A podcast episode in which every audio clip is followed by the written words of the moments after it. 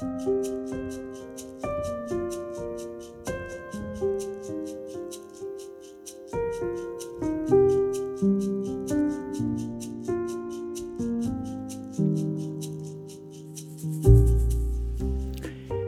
lyttere. Har du noen gang lurt på hvem denne Kleopas var? For ikke å snakke om den anonyme følgesvennen hans, som han gikk sammen med på veien til Emmaus. Siden ingen kunne gi meg skikkelig svar, måtte jeg dikte litt. Du finner det vi faktisk vet om disse to bare i Lukasevangeliets kapittel 24. Det som skjer der, må ha vært et skikkelig Kairos-øyeblikk.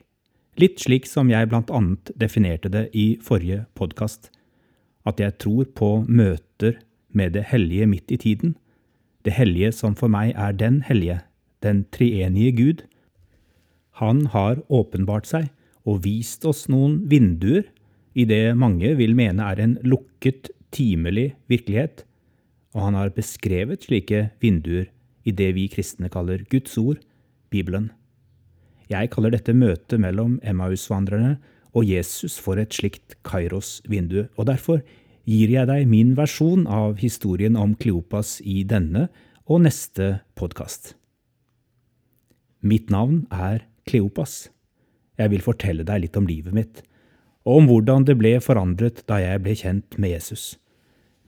Jeg var bare 14 år den gangen, og sikkert en av de yngste i følget hans.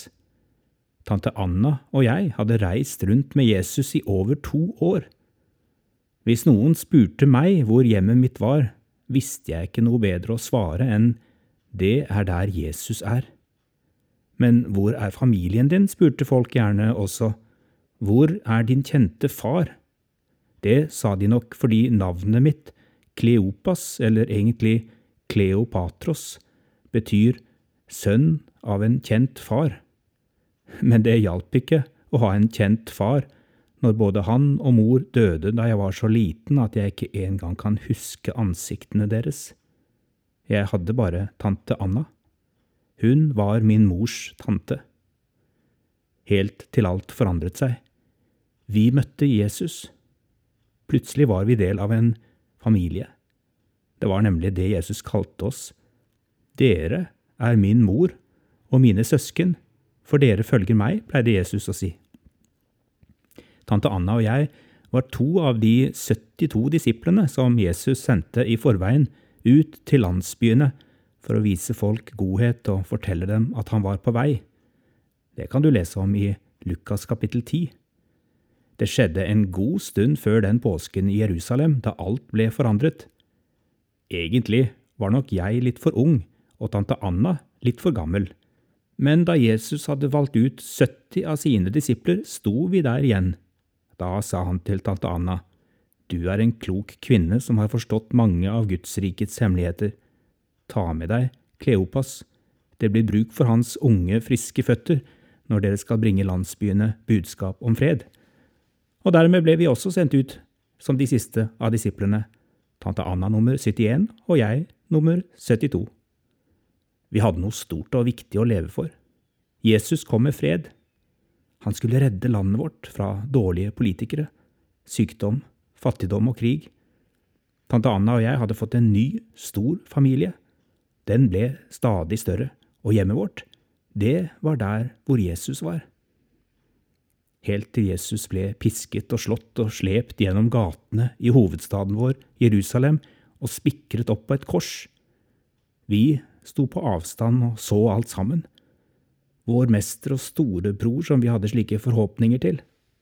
Der hang han, og døde den grusomste død. I det øyeblikket gikk den store familien vår i oppløsning. Vi ble spredt til alle kanter. De aller nærmeste disiplene til Jesus gjemte seg på et hemmelig sted i Jerusalem. Alle var vi livredde. Hvis ikke Jesus kunne stå seg mot makthaverne, hvordan skulle vi klare det? Foreldrene mine hadde jeg mistet da jeg var et lite barn. Jesus mistet jeg på den aller lengste fredagen i historien. Jeg var jo bare 14 år. For meg var døden en fryktelig fiende. Hva hjalp det meg at min far visstnok hadde vært en kjent mann, og var det noen som helst trøst i at Jesus var en av de mest berømte i landet, når de begge nå var døde? Kom, vi dra hjem, sa tante Anna. Hun mente Emmaus, den byen vi kom fra, til det tomme huset vi hadde forlatt da vi traff Jesus og de andre disiplene. Det var det eneste vi kunne gjøre, men beina mine kjentes tunge som bly. Da kom mitt Kairos-øyeblikk. Hvordan kunne det ha seg at vi ikke kjente han igjen? Plutselig gikk han der ved siden av oss og snakket med oss, men vi kjente ham ikke. Tante Anna mente det måtte være fordi vi var så oppslukte av sorgen, så fulle av tårer, at vi ikke kunne se ordentlig. Jeg har alltid ment at det var Jesus som var annerledes. Han hadde vært helt nede i dødsriket og kjempet mot djevelen på vegne av oss alle sammen, og han hadde vunnet. Beseiret den onde og forsonet oss med vår Far i himmelen. Nå, etter oppstandelsen, var himmelrikets krefter i ferd med å forvandle ham, slik de en gang skal forvandle alle som tror. Den Jesus vi hadde kjent før, han var som en sommerfugllarve, tenker jeg. Jeg må ty til et slikt bilde, for bare slik klarer jeg å forklare det, i alle fall for meg selv.